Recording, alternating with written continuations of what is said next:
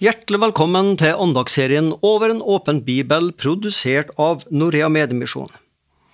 Og da skal vi gi ordet til dagens andagsholder, som er Ingrid Ese Folkestad, og dette er en reprise fra 2020. Jeg har før i veka snakka om hvordan jeg ble kristen, om søstera mi som ba for meg i 30 år, og om at det var ei ganske stor omveltning å verta frelst i en alder av 45. Jeg kom i ei slags identitetskrise og forsto etter hvert at Bibelen, kristendommen, Jesus, ja, alt dette sto for ei heilt anna virkelighet, et heilt anna verdensbilde enn det jeg før hadde identifisert meg med. I apostelgjerningene kapittel 4, 20 står det. For vi kan ikke annet enn å tale om det som vi har sett og hørt. Det sier Peter og Johannes til noen religiøse ledere i Israel, ca 50 år etter at Jesus døde. De hadde begge opplevd krafta i Jesus, og de greide ikke å late være å snakke om det de hadde opplevd, til hvem det måtte være. Slik var det for meg òg. Det gikk opp for meg at jeg hadde fått ei så mektig og radikal frelsesoppleving som gjorde at jeg ikke greide å la være å snakke om det som hadde hendt meg. De fleste på jobben var nysgjerrige, spesielt en nær kollega av meg som eh, både var ateist og psykolog. Jeg hadde jobba med han i mange år, og nå ville han vite alt om det som hadde hendt meg. Kollegaen min var både kritisk og skeptisk, og han ga meg mye motstand. Det var ikke alltid like enkelt å skulle diskutere, og diskusjonene kunne ende opp i en krangel.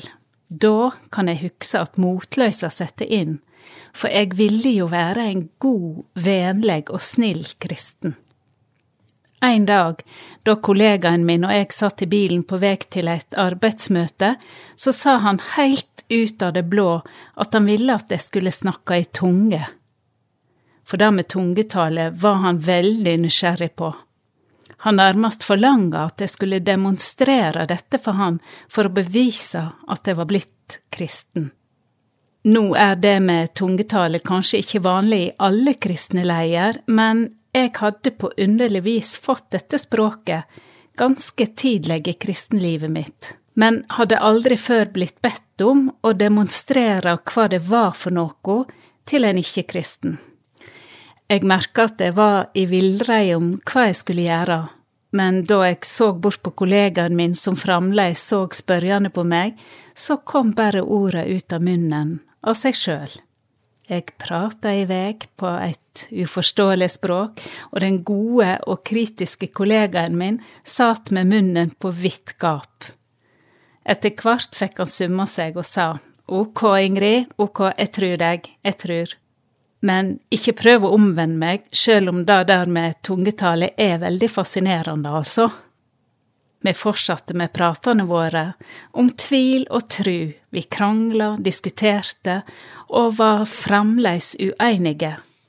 Men relasjonen vår var sterk og god, så Jesus-trua mi kom ikke i vegen for det gode vennskapet vårt, sjøl om vi sto ganske langt fra hverandre i hva vi trudde på.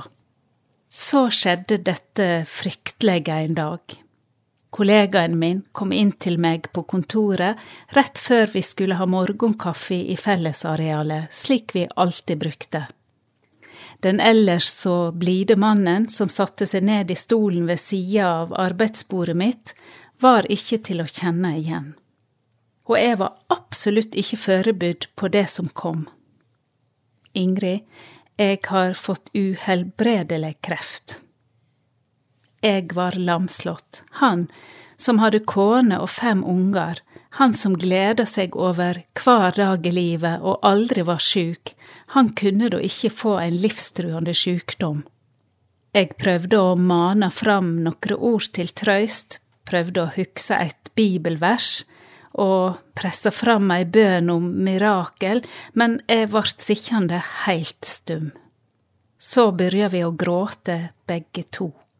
De neste dagene husker jeg knapt. Jeg gikk inn i djup bønn sammen med de kristne vennene mine.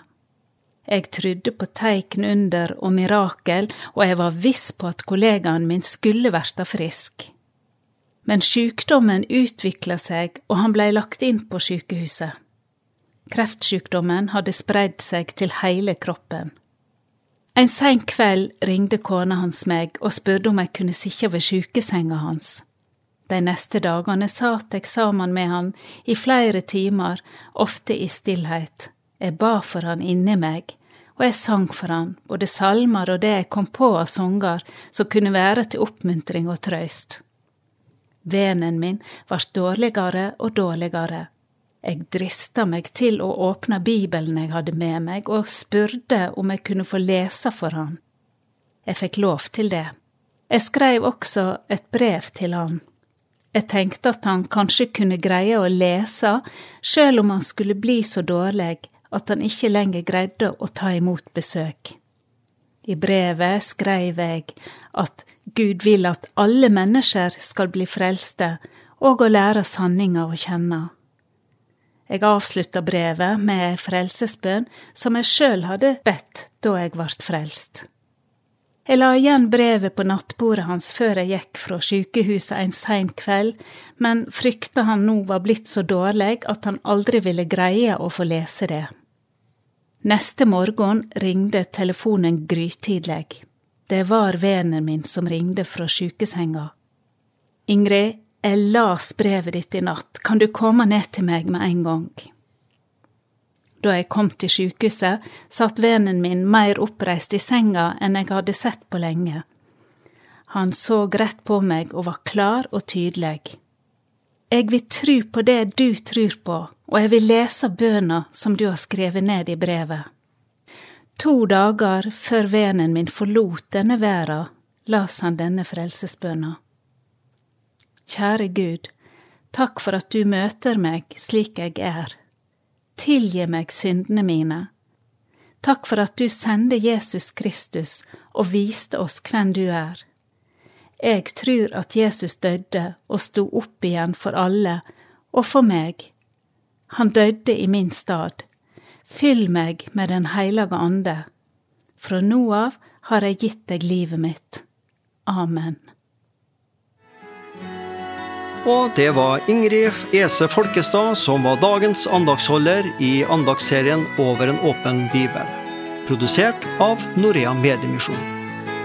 Følg oss gjerne på Facebook og Instagram, og der får du flere ganger i uka oppdatert informasjon om arbeidet vi driver.